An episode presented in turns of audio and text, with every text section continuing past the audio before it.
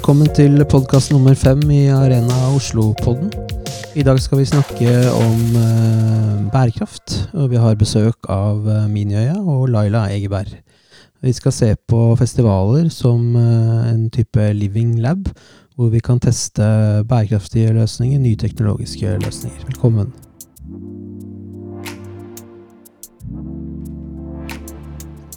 Ja, da er vi klare med gjest nummer fem eh, i studio. Dette er en eh, sterk kvinne i eh, Kultur eh. Hun er ikke den som nødvendigvis står på fjelltoppene og skriker, men er en av de varmeste i bransjen. Hun er klar og tydelig i sine meninger og er med å få ting eh, gjort. Eh, hun har en bakgrunn fra bar, servering, eh, fartstid i, eh, i mediebransjen. Eh, jobbet for å, å, få folk til å ha måtehold innenfor eh, alkoholkonsum eh, og, og, lignende.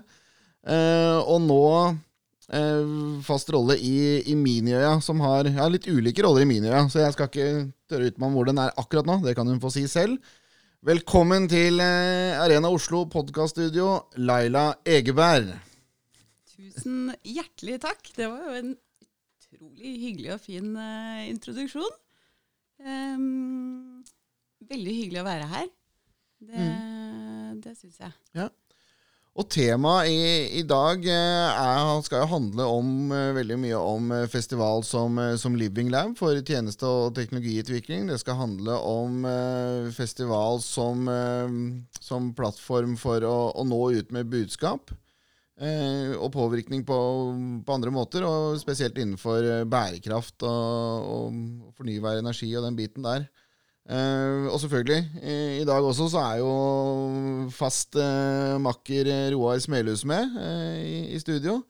Og nå har vi litt spesiell podkast for, for, for, oss alle tre, for dette er jo Etter hvert som dette samtalen går, så er det jo et prosjekt som vi alle har vært en del av på på, på, ulike områder. Så vi er, skal, kommer til å bytte litt roller mellom å være gjest og host og alt mulig. Um, men det her starta jo egentlig litt av bakgrunnen eh, til disse prosjektene. Så starta nesten før, uh, før Miniøya med, med, Roar og, og Øya. Ja, altså jeg jobbet med Øya som eh, rådgiver i mange år, egentlig. For jeg brenner for festivaler og tok kontakt med de tidlig for å se om vi kunne gjøre noe sammen. For jeg trodde at, og tenkte at de kunne profesjonalisere på en del av temaene, og det tok de veldig godt imot. Så vi kom jo inn der ganske tidlig og jobbet med dem på flere typer prosjekter. Men mye type sånn opp mot det vi gjør vanligvis, da, som er liksom eiendomsprosjekter og egentlig infrastruktur rundt bygg. Da. Så alt som går på logistikk og brann og rømning og alle disse temaene. Men så etter hvert som vi jobbet sammen over tid, så ble det mer og mer eh, innovasjon Uh, og så ser på liksom de nye temaene. Så jobbet vi også med et solprosjekt som, som går liksom på fornybar energi. Da. Så det var vel sånn egentlig koblingen mellom uh, på en måte min kompetanse og erfaring med øya, og da etter hvert min øya kom i gang. da. Mm. Jeg fikk en henvendelse fra, fra Laila fra, fra Miniøya om vi kunne se på et sånt type prosjekt også med Miniøya. Laila, hvordan hvordan, hva var bakgrunnen for at dere tok kontakt, og hvordan eh, kan du beskrive litt det, det prosjektet i seg? Det, det solcelleprosjektet, som eh, vi kaller det litt på arbeidsform? Mm. Nei, altså Vi hadde jo sett uh, det storebror hadde gjort i parken, uh, og blir jo veldig inspirert av uh, alle andre festivaler også. og så tenkte vi hvordan kan vi det å vise fram disse panelene ikke bare til unge voksne, men også til eh, da barn, som er vår eh, målgruppe. Eh, så tenkte vi hvordan kan vi gjøre dette på vår måte. Og da var det jo også Miljøhovedstadsåret som var på vei og skulle planlegges. Og vi ville jo også veldig gjerne være en del av det. Så hvordan kunne vi da markere og løfte frem Oslo som miljøhovedstad? Eh, og, og, det var jo da den koblingen eh, kom, at kanskje dette her er en kjempemulighet. Så vi eh, beskrev da eh, prosjektet med grønne konserter, eh, hvor vi da skulle drifte en scene med solenergi. Eh, sånn at publikum og barna kunne på en måte få en sånn direkte relasjon til eh, hvordan er det det funker? Hvordan er det dette her blir til energi og eh, å stå og hoppe og danse ved siden av paneler mens du ser artisten rett fram. Eh, så tenkte vi at det kunne ha en veldig sånn fin effekt, da. Eh, og skape litt oppmerksomhet rundt både i forhold til da eh, bærekraftsmålene nå med ren energi spesielt. Altså alle bedrifter nå eh, kobler seg jo på én eller mange flere bærekraftsmål. Og det tenker jeg at er en veldig fin øvelse. Eh, vi, har, eh, vi er jo heldige med eh, mye ren energi i Norge. Så man tenker kanskje ikke over at er det noe vi trenger å ta stilling til. Um, infrastrukturen også i Tøyenparken er jo sånn at vi har vært på fastnettet siden 2015. Uh, eh, så vi har jo ikke noen aggregater som, som, driftes på diesel, f.eks. Men allikevel, da, så tenkte vi at det kan være bare det å synliggjøre at for å rigge et sånt arrangement, så, så trengs det jo strøm. Eh, og, og, det er jo fortsatt mange som ikke har den muligheten. Eh, så å vise hvordan vi også istedenfor å liksom I forhold til både vindkraft og vannkraft, så er det kanskje solenergi da, som er en kjempegod uh, løsning der. Um, så da begynte jo på en måte prosjektet å rulle.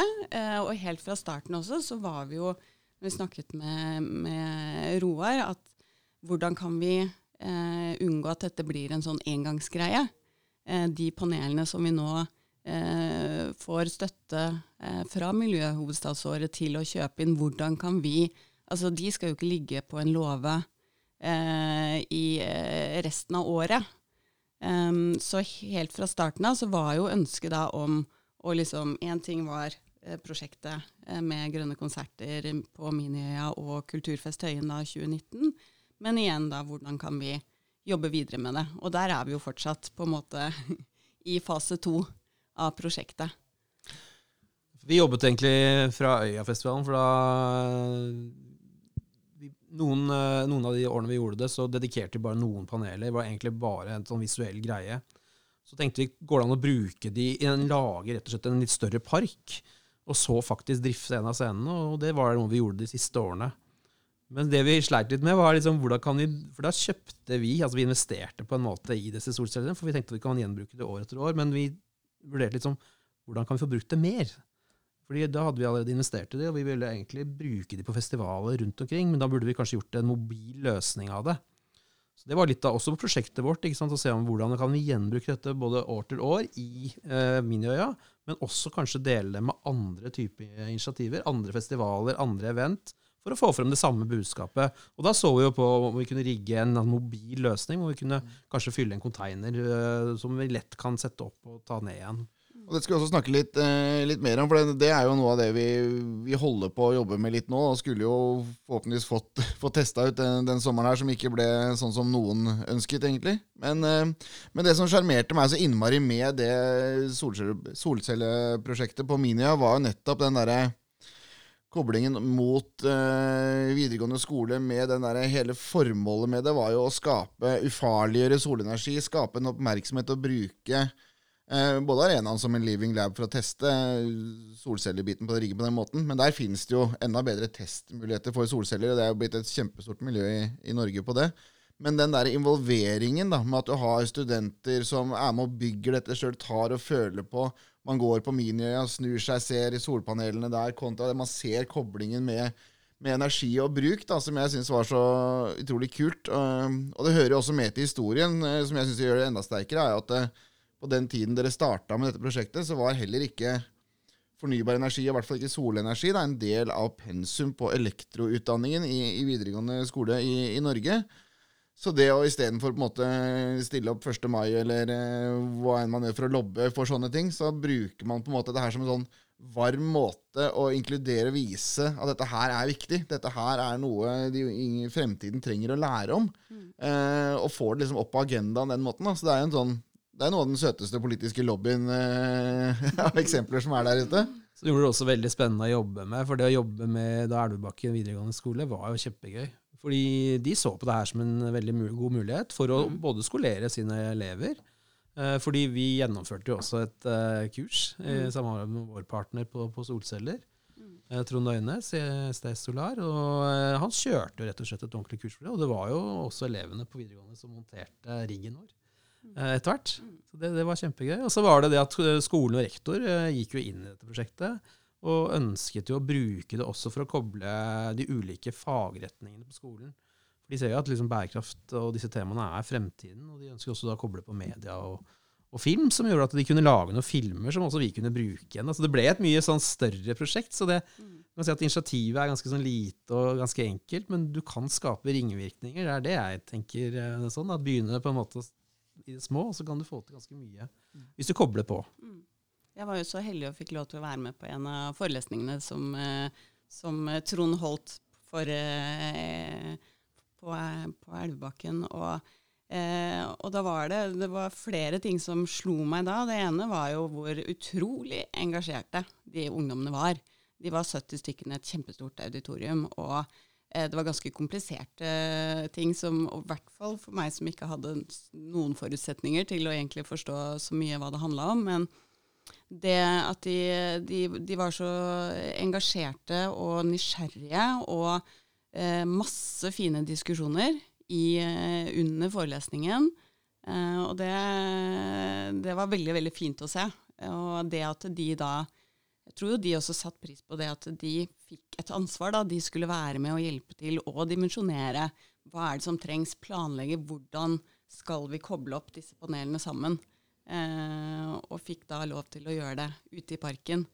Um, blir, blir veldig glad når jeg ser så mye fint engasjement og eh, læringsvillighet og ja. Og Det er jo også litt av tanken som, som inspirerte meg også videre. For vi har jo satt opp i, i Arena Oslo en, en bærekraftsgruppe. Eh, nå skal jeg vel ikke stå på fjelltoppen og si at det er en gruppe som har klart å holde veldig konstruktivt liv i, men det var en veldig fin gjeng som, som starta i gang. og vi hadde jo et møte ute på, på Scandic Fornebu eh, med, med Klaus Pedersen som hotellsjef der ute, som er en vanvittig engasjert eh, type, som eh, vi ble kjent med på et tidligere seminar. Eh, og litt av den herlige greiene når man snakker om på en måte den der bærekraft, fornybar energi, ulike modeller der, sånn, så er det så deilig å se at bakgrunnen til folk blir viska ut. Og man ser at man vil klare å sette sammen sånne tverrfaglige eller tverrsektorelle grupper, eller disse begrepene som Roar er mye bedre enn meg på Når det gjelder på en måte at det sitter en mann med, med dress og slips og en person med kjetting i buksa og, og helt vanlige som driver med alt mulig. Eh, og da snakket vi også om type den, kom vi inn på den der, og vi burde fått en tilhenger på disse solpanelene og lagd en automatisk rigg på det. Og så snakka vi om eh, mat eh, til jord og komposteringsmaskinen som, eh, som Scandic også har på Fornebu, som vi også var nede og fikk ta og føle litt på, på den biten der. Hvor, hvor bl.a. Scandic Fornebu alene klarer å få 13 tonn med, med matavfall til å bli til 1 tonn med, med jordtilskudd. Eh, som vi skal snakke mer om i, i andre postkasser senere, som er et kjempekult prosjekt i seg sjøl, hele den mat i jord-biten. Det skal sies at de, de har ikke noe mål om å få flere tonn med matavfall, men eh, man jobber på flere fronter. Men der også ble jo det opptakten til at vi gikk jo egentlig inn i, i vinter med, med en større søknad. Vi prøvde å sette det her sammen, eh, hvor vi også da skapte en sånn eh, Hvor Roar også var sentral i, i det prosjektet der hvor vi tar egentlig den matavfallsbiten som vi opplever litt at det ikke har vært det mest sexy eh, bærekraft-miljøtiltaket å ta tak i. Eh, og jeg tror også det er litt fordi at eh, hvis du står på en scene og snakker om matavfall, så kan du begynne å gjøre noe med det. Så du møter deg veldig fort i døra. Snakker man om plast i havet, som også er et utrolig viktig tema å ta tak i, det er ingen som forventer at de som står på scenen og prater om det, skal sjøl løse det problemet. Eh, jeg tror også det er en del eh, i forbindelse med matavfall som er tettere på de næringene vi driver da, i kultur og reiseliv. fordi vi, vi handler om å samle veldig mange mennesker som skal ha mat, og det er frivillige som skal ha enda mer måte, mat som er masseprodusert i litt større kvanta, og sånn som må håndteres. Eh, og da tok vi veldig den der eh, tankegangen fra, fra solcelleprosjektet til Minia. Da, å, for målet vårt er jo ikke bare da å lage eh, tilrettelegge teknologien for å kunne levere det på festival, men også bruke det som en en, en del av tilgjengeliggjør det for utdanning. Den der som, som dere hadde så godt tak på, på Laila, den der med å koble praksis og, og teori. da. Eh, jeg jobber jo med disse temaene som profesjonell eh, rådgiver. ikke sant? Så jeg bruker jo eh, disse tingene og kobler disse tingene sammen. For meg er det stor mening, fordi jeg jobber jo veldig mye teoretisk. Men å gjøre noe praktisk, og også vise engasjementet via praktiske ting. Derfor har jeg laget Home Workspace, hvor jeg viser hvordan du kan gjenbruke tomme lokaler, eller bruke tomme lokaler på en annen og ny måte. Dette med å ta inn uh, vintage møbler. Vi har leasing på gamle møbler. Vi kjøper ingenting nytt i utgangspunktet. Så vi prøver å gjøre praktiske prosjekter parallelt med teorien. Og det syns jeg er en liksom fin greie på, på disse arenaene. Så er det å starte i det små. Mange som kritiserer for meg at det, det, betyr ikke noe, du kommer ingen vei. Jo, men du må jo starte et eller annet. Jeg må jo starte med det jeg eh, kan gjøre noe med. Og det er i det små. Jeg kan ikke starte med å redde hele verden på en gang. Så jeg må starte med mine store prosjekter. Derfor syns jeg festivaler er en veldig veldig fin arena for å få til mye større kraft enn det jeg klarer å skape alene. Mm. Det er masse folk på et kort tidsrom. Vi kan få til ganske mye spennende ting. Eh, vi kan få en oppmerksomhet, vi kan få en bevissthet, vi kan lære. Mm. Og så prøver vi hele tiden å tenke som en innovasjonsarena parallelt. så Vi trenger ikke å stoppe med sol. Nå er det batterier som er det neste. Mm. Så det siste prosjektet så prøvde vi også å koble på batteri og batteriteknologi. Ja, Vi skulle jo egentlig da ta og Vi har jo egentlig på planen å lage egentlig en, en tilrettelegge en container med, som er eh, fylt inn med Vi ikke trenger å koble på vann engang til denne komposteringsmaskinen. Vi får vanntank innvendig, vi får komposteringen, vi får inn- og utmating av mat og jord på, på utsiden, så det er enda mer synlig. Skjære inn vindu og skulle bygge solcellepanel på taket, sånn at den blir helt selvforsynt. som en sånn en liten sånn bærekraftsvitaminpille eh, uten at den vil løse alt på egen hånd, så er det en sånn synlighetsbag i det som gjør at det, det ble kult. da. Vi har hatt arbeidstittel 'Mat til jord med sol', som gjør at det på en måte er jo Det fins jo ikke noe vondt å si om på en måte den greia der. sånn. Så forsvant jo alle testbedene rundt der i koronaen, så vi jobber nå tett med kommunen for å få det oppe og stå, så vi får en test på det til, til neste år. Eh, for det også har vi litt å si, for Minie også er jo avhengig av et godt forhold og samarbeid med, med kommunen. Å jobbe på den måten her sånn er vel noe som de også imøteser. Ja, absolutt. Vi er Eh, avhengig av et godt samarbeid med veldig, veldig mange, eh, faktisk. Det er eh, Altså, mm, hvis du setter opp en, en interessentanalyse for Miniøya, så er den ganske stor. Eh, og det er vi også prøver å være veldig bevisst på. At én eh, ting er hvem som vi setter på plakaten. Det er liksom det, det eh, første man ser. Men ringvirkningene rundt da, er jo veldig store. Og vi har alltid vært opptatt av eh, minst mulig avtrykk. Og som du sier, eh, Tormod, eh, innledningsvis, at festivaler som varer i ti dager, spiller det noen rolle? Men eh, jeg er helt enig med deg, Roar, at det, ja, det gjør det. Fordi at ja, vi må begynne i det små, og vi må endre det vi kan, der hvor vi, der hvor vi kan gjøre det. Fordi hvis ingen, ingen, begynner noe sted, så skjer det heller ingenting. Og nettopp det med nettverk og samarbeid, og som også Arena Oslo eh, har levert, eh, syns jeg, veldig godt på, da, i forhold til å koble kreativ næring med reiseliv og de kommunale og utdanningsinstitusjonene, at eh, vi må gjøre dette sammen. Eh, og det trenger ikke bli noe Eh, målet er jo enda bedre produkter, enda bedre opplevelser, som gir mindre avtrykk. At vi skal eh, ikke nødvendigvis eh, fortsette å leve som før, men endre oss sammen. Eh, og da, det klarer ingen alene. Så ja, det bringer også litt inn på snakken, for Jeg ble jo invitert med i en ressursgruppe i Oslo kommune under et eh, prosjekttittel der som var aldersvennlig frivillighet. Eh, og satt der og var med på noen workshoper tidlig, og så ble det dannet en ressursgruppe. Og så på første møte der så eh, presenterer de på en måte en del av funnene fra, fra de workshopene osv. Og, så og så var jo noe av det de funnene var jo at eh, de slet med å komme inn på litt, de litt mer kommersielle aktørene eh, og få en god dialog der. Og så slet de litt med å kommunisere frivilligheten ut, fordi måte, måten å nå ut på til, til eldre. Og, og, eldre starter på 65, uh, så det er ikke akkurat nødvendigvis gamle mennesker heller, som har fått en ganske moderne og up to date måte å kommunisere på også, som de ikke helt hadde knekt koden på.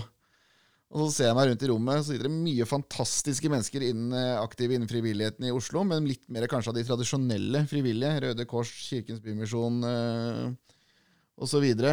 Um, så jeg bare så meg rundt og bare ja, ok, vi har identifisert at kommunikasjon og kommersielle aktører, eller delvis kommersielle aktører, ikke er, er litt av utfordringen. Så sitter det ingen andre der.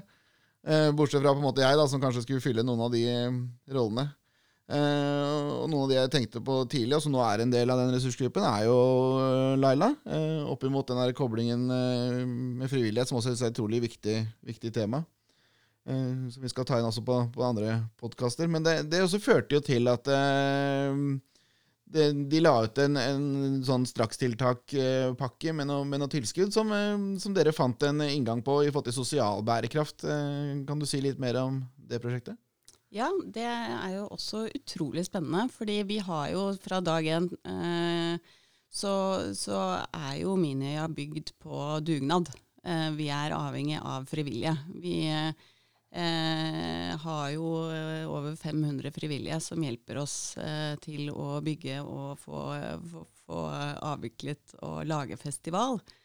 Og eh, der har vi jo eh, noen primusmotorer som er eh, godt pensjonert, og som nå Samtidig da, så ser vi at de, de har så mye å bidra med, og de vil så gjerne bidra. Eh, vi, kaller jo da, vi, kaller våre frivillige for superhelter. Eh, så når vi da eh, satte oss ned og begynte å tenke ok, hvordan kan vi enda, være enda tydeligere og kommunisere ut og si at vi har, vi har plass til også de over 60, og uten å på en måte stigmatisere eller eh, altså, vi, det er så mange oppgaver som trengs å løses. og uansett eh, ferdigheter eller kompetanse, så, så klarer vi å tilpasse. Eh, og det også hadde ikke vi eh, kanskje vært flinke nok til å kommunisert ut, da. Og da ble jo da seniorhelt eh, definert som et, eh, nytt, eh, som et satsingsområde i forhold til å også gå ut og møte de litt eldre der hvor de er, og du kan si, bryte de barrierene da, eh, som er, gjelder for de i forhold til å tørre å bli med og eh, forklare hva det innebærer. At eh, man er kanskje redd for å eh, love seg bort til for mye. Altså, eh, pensjonister i dag er jo super eh, De er jo veldig effektive, og de har jo altså ikke noe ledetid i utgangspunktet. De er jo veldig flinke til å fylle opp kalenderen sin. Um, men det å kunne vise frem at her, eh, hvis du bare har lyst til å være med eh, en halv dag, um, så, så, er det kjempehyggelig og veldig, veldig fint. Um, så det prosjektet er jo vi eh, veldig glad for å være med på, og ikke minst at også Oslo kommune er med å dra i gang noe sånt. Fordi eh, det, er så, det, er så, mye lettere da, når man har noen som hjelper til å åpne dørene. Ja, Det er en vanvittig ressurssterk uh, gruppe. Mm, de eldre også. Jeg har jo bl.a. en svigerfar som aldri har hatt uh, mer å gjøre etter at han ble pensjonist, og nesten ble sånn det, det, Energien bobler over, og det å få litt retning og innsats på å bruke både hoder og, og kropper til det, er jo kjempespennende. Og det blir jo sinnssykt mange av de etter hvert. Det er vel rundt 60 000-70 000 i den kategorien eldre i Oslo i dag, som er sånn 65 pluss. Men uh, innen ti år så er de vel 130 000 eller noe, så det er jo jeg tror jo også den dynamikken, og det gjelder ikke bare Minia og for barn, for da kan man være naturlig å tenke at den, eh, den seniorhelt har en sånn bestefar-type figur som gjør at det, det, dynamikken blir barn blir veldig godt, men jeg tror også at type Øya Tons og Rock, eh, Piknik i parken og alle de andre litt mer som har, festivalen som har litt annen profil, da, at det, det, å bruke godt voksne mennesker i ulike roller der sånn, er også veldig lurt. Det. Jeg kan jo se for meg at du kommer inn på en festival og har tatt eh, noen øl før man kommer inn, og da, så skal de begynne å bli kroppsvisitert ved inngangen, eller eh, sikkert nå blir tvunget til å dytte på deg et munnbind som du kanskje ikke har lyst til, eh, som kanskje blir noe nå. Men det er fortsatt, eh, heldigvis, er det fortsatt litt større terskel på å være frekk og hisse seg opp eh, overfor en godt voksen person, kontra en 20-åring eh, som, som, skal begynne. De gjør en kjempegod innsats, de også. Det er ikke noe forkleinelse for noen, men jeg tror på en måte den dynamikken da, med med trygge voksne som, som, står godt i seg sjøl, som er med inn i, inn i, det økosystemet. Og det å for unge mennesker å stå og jobbe tidlig Det er jo mange av de frivillige som er, selv om man ikke får betalt, så er det jo på en måte en jobb, og for mange er det jo den første smaken på det å ha noen å forholde seg til i jobbsammenheng. Og det å stå skulder til skulder med noen godt voksne tror jeg er fryktelig nyttig. Så det, det både kommunen gjør det, og dere tar tak i det Jeg vet også at Holmenkollen skifestival fikk, eh, fikk støtte til å gjøre et, et seniortilrettelagt prosjekt eh, der også, så det er, det er veldig kult. Jeg går på den der historien med Jeg sto jo på, på stand, eller på vår egen solrigg på Minøya, og råd, eh, ordføreren kom bort. Mm. For det var jo litt spesielt år også. eh, Men klart, de er jo aktive, og de brenner for disse tingene. Eh, Men hun kom bort fordi det var miljøhovedstadsår, og vi hadde jo da søkt midler på dette prosjektet. Og hun var veldig veldig nysgjerrig på liksom hva vi konkret eh, gjorde, og hva denne, dette systemet da representerte. Mm. Det syns jeg var stas, og det er klart ungdommen syntes det var veldig stas eh, at ordføreren kom der og brydde seg om det. Så jeg fikk jo mer oppmerksomhet rundt eh, det vi jobbet med når hun hadde vært bortom en tur. Så det er jo noe med å skape denne interessen og, og engasjementet rundt det her, som kommunene i Oslo syns jeg er kjempeflinke. Ja, det er jo ikke minst viktig å ta vare på det, for litt sånn som vi har vært innom et par ganger, da, sånn hvorfor bruke energi på en festival som er veldig kortsiktig greie, men det er jo veldig den derre Living Lab oppmerksomhet, og det er jo mange i hvert fall sikkert sikkert sier vi litt, litt fordi vi er nordmenn, da, har litt nødvendigvis ikke nødvendigvis den selvtillit man trenger for å vite om verdien sin, fordi de representerer veldig sexy merkevarer for en del andre som leverer tjenester og, og produktutvikling og sånn eh, der ute, som kanskje ikke får den samme oppmerksomheten med å, med å si det på egne bein. For det er ikke alle som nødvendigvis syns det er spennende og at det, Ja, hva heter det? Solcelle... STS. Eh, ja, så bare sånn ja, Sier ikke folk noe? Men hva de gjorde på Minia for barn, oi, det er litt spennende. Og da er det plutselig mye kulere for politikere å sole seg i glansen. og man får liksom hausa det på en helt annen eh, nivå på agendaen. Så synes jeg Når du er på en sånn kulturformidlingsarena, da, så blir alt mye sterkere òg. I hvert fall for meg som er veldig glad i kultur og musikk. Så blir det veldig sterkt, alt det andre jeg opplever òg. Så jeg tar det inn på en helt annen måte gjennom på en måte hele communityet og formidlingen som skjer på en sånn arena. Så jeg bruker ofte kulturuttrykk eh, for å rett og slett formidle et budskap òg. Så jeg har booka Marte Wulf nå flere ganger på ting jeg lager, eh, fordi hun har jo et klimabudskap. Og den koblingen mellom de tingene eh, blir veldig sterkt for meg, og jeg tror det blir sterkt for mange andre også. Så, så jeg syns det er viktig at eh, også musikerne og artistene har den stemmen, da, og bruker den i den sammenheng. Ja, bruker dere artister og, og de bevisst inn i de sammenhengene der, eller holder dere litt det separat eh, på mine? Det kommer litt an på. Eh, ja, og det, hvis det passer seg sånn, så gjør vi jo selvfølgelig det.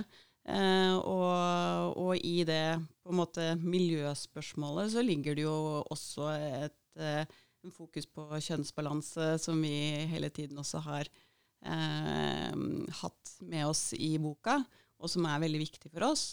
Men det vi ser også veldig godt, da, det er jo at um, eh, kanskje enda mer eh, når det er et arrangement for, eh, for barn, eh, at det er helheten som er det viktige. Eh, ja, de kommer for å se kanskje den og den artisten. Eh, altså, vi booker jo mye som de aldri har hørt om før også, og det er jo poenget. Fordi de skal, det skal være en oppdagelsesarena. Skal, skal, de skal få lov til å utforske og finne ut hva de liker. Fordi de vet ikke ennå. De har kanskje ikke hørt klassisk eller jazz ennå. Eh, de har ikke eh, hørt Mari Boine. Eh, altså, da er det vår jobb da, å, å eh, presentere eh, så mye forskjellig som mulig. Så det at vi er en tverrkunstnerisk festival, er jo på, på en måte én ting, men det vi har sett også, er jo alt det andre. Alle de tingene, detaljene som vi kanskje ikke har lagt så stor vekt på, som faktisk vi ser betyr noe der og da i parken. Um, og også i forhold til da holdningsskapende arbeid. Uh, vi har jo hatt en kunstinstallasjon med Passion for Ocean i flere år nå. Og da stå og se på at en biolog sitter på gresset og snakker med et barn på seks år om plasten i havet, og så se liksom den dynamikken, eh, det er jo på en måte like fint som å se hva som skjer foran på scenene når de eh, møtes. Ja, Det er også en herlig bevissthet rundt måte de, de små tingene som gjør en, en, en større forskjell. Også, fordi jeg tror også det er ofte at vi voksne skaper at hvis man skal få ut et budskap eller gjøre noe, så må man gjøre det så stort. Men den der hva som er stort og hva som er interessant, er kanskje helt forskjellig i, i hodet på et barn. Eh, og nå har jeg vært fast inventar med, med mine barn på, på Minia siden, eh, siden, de kunne gå. Og de var sånne, de er plutselig sånn Oi, sokketrollstanden er ikke der i dag i år. Hvor kan vi lage sokketroll? Nei, det er ikke sokketroll her i år. Å ja, dere har kutta ut Å ja. Nei, men det syns vi var gøy. Og det er litt den der biten at eh, fordi de tar en liten stund, så klarer de å kartlegge litt, og det er bare å sitte og pusle litt, eh, få en tatovering på kinnet som kan vaske seg, og litt de småtingene gjør. Og så får du den dialogen, da, for du ser at mange av de som folk bryr seg av, de som står på stand. Du, mm. ja, du starta jo egentlig før du begynte på Minia og sto på stand sjøl og snakka om eh, alkohol. Eh, eller måtehold i den sammenhengen. Og det er litt den der, de små øyeblikkene hvor du får da folk som bryr seg til å snakke med, med barn-voksen-dynamikken i en, en, god setting på, på barnas premisser, da, som blir veldig sterk. Mm. Så er det kanskje ikke de store tingene som skal til det heller, i den tiden vi lever. Altså En liten deling på, i sosiale medier, så er det bang. Mm. Uh, og det kan være hvis du tør å skille deg ut, gjøre ting som er litt annerledes, så kan du gjøre ganske stor forskjell på ganske Det trenger ikke å være den store investeringen eller en veldig stor rigg. Det kan være å se annerledes ut, eller tørre å utfordre noe uh, tradisjonelt. Mm. Så det, det, er ikke så vanskelig heller, gjennom en sånn arena, å, å skille seg ut og få oppmerksomhet. da. Samtidig så har jo barn har jo gjerne ulike perspektiver på ting. Mm. Altså Jeg spurte sønnen min, eh, han er nå åtte år, og spurte han forrige dagen om han huska solpanelene fra Miniøya i fjor. Og da sa han ja, det var veldig kult, og så fikk dere jo gratis strøm. Mm. Det, er da, det, er det han sitter igjen med det. Så tenker jeg ok, ja, men det er bra. Det er et perspektiv. Det er mm. fint. Vi hadde jo veldig lyst til å vise Nå klarte vi vel ikke å få til alt det der, men vi hadde jo lyst til å vise i et panel, et stort panel eh, som kobla veldig den riggen og scenen. Som viste hvor mye vi produserer, og hvor mye vi trenger eh, til scenen. Så det blir veldig, veldig visuelt, da. Eh, ja. Det er eh, organisk og kult, men nå ser jeg at vi begynner å nærme oss eh, besøkelsestiden vår eh, her nå. Men det har jeg også lyst til å bare ta tak i. Vi har jo ikke snakka noe særlig om korona, og det var egentlig bra, for det er jo ikke poenget med, med det vi skal nå. Men eh, litt oppimot det med, med, bærekraft og måtene, så er det jo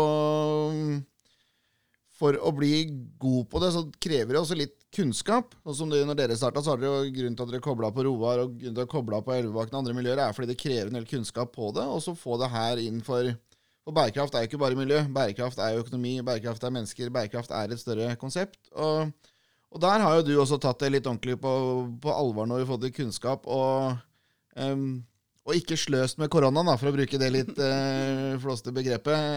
Eller det er ikke flåste, jeg syns man skal ikke sløse med krisen heller. Men, uh, og der har det jo blitt uh, lagt ut noen studiemuligheter gratis til folk som har vært helt eller delvis permitterte, og det har du utnytta deg av.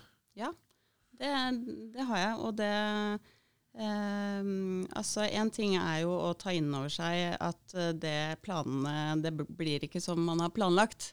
Eh, det man har jobba for, og eh, det å da skulle eh, skrinlegge alt og ta inn over seg at nå Hva skjer nå? Og man har da begrensa med, med, muligheter. men da syns jo jeg Altså, vi er jo så heldige, virkelig. Det må jeg bare si. Eh, fordi eh, det, det, tilrettelegges, og det hjelpes. Eh, det er alltid rom for mer hjelp. Det er det. Men eh, jeg tror jo sånn som da nå når eh, det er bevilga midler til å tilby gratiskurs for de som er permitterte. Eh, så jeg fikk jo da mulighet til å melde meg på et BI-kurs, bærekraftige strategier og innovasjoner. Og det å møte da, eh, når du har sittet eh, delvis permittert på hjemmekontor i eh, fire-fem måneder, og møte 100 andre studenter som har en kjempespennende bakgrunn, kan masse forskjellige og veldig flinke forelesere, og da igjen få den der, tenne den gnisten da, til motivasjon. Liksom, ok, nå må vi tilbake.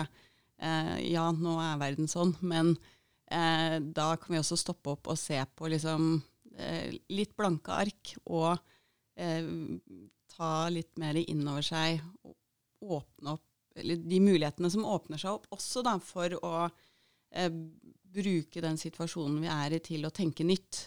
Fordi plutselig måtte alle tenke nytt. Og så ser vi at ja, det går. Det går an å gjøre, finne nye løsninger. Og da eh, ta med oss det bærekraftperspektivet videre. Hvordan kan vi i forhold til både menneskene og eh, jorda vår, og, og, men også økonomien, da, og eh, spesielt i kreative næringer. Hvordan er det vi skal gjøre dette framover? Og hvem er det vi må jobbe sammen med? Det mm, er jo ekstremt spennende. Ja, Det syns jeg var en deilig avslutning. så jeg det. føler ikke at jeg skal si så mye mer. jeg kan jo bare si at jeg har jo tatt det der store programmet til Per Espen Stoknes og Jørgen Randers. Jeg holdt på med det der et år på BI. Grønn vekst og konkurransekraft het det kurset. Og for et år, altså. For en oppvåkning og for en, en mulighet å liksom gå så i dybden på et så viktig tema. Så Det har inspirert meg veldig, så det vil jeg oppfordre flere til å, å ta. Og det å koble dette her mot disse kulturarenaene er noe jeg brenner veldig for. og tenker jo å skrive en master om det neste år. Eh, rett og slett eh, festivalen som en, en, testarena for ny teknologi og bærekraftige løsninger. Og hva som skjer liksom, med byen og folk når det tilbudet blir borte. Altså, sånn, det er en trist år. Mm. Et veldig spesielt år. Så det å se også på den situasjonen For jeg tror mange i Norge er veldig glad i festivaler. Barn til uh, godt voksne. Uh, og når de blir borte, hva, hva skjer da? Og på ski med, med byen. Så det er også spennende perspektiv å ta med seg. Ja, La oss håpe vi ikke finner ut av hva som skjer hvis det blir helt borte. Ja. Eh, for det har jo blitt borte. Ja. Men uh, at vi kommer opp igjen. Og, og, tusen takk, Leila. Det var veldig hyggelig å ha deg her. Eh, kjempefine tanker. I like måte. tusen takk. Ha det.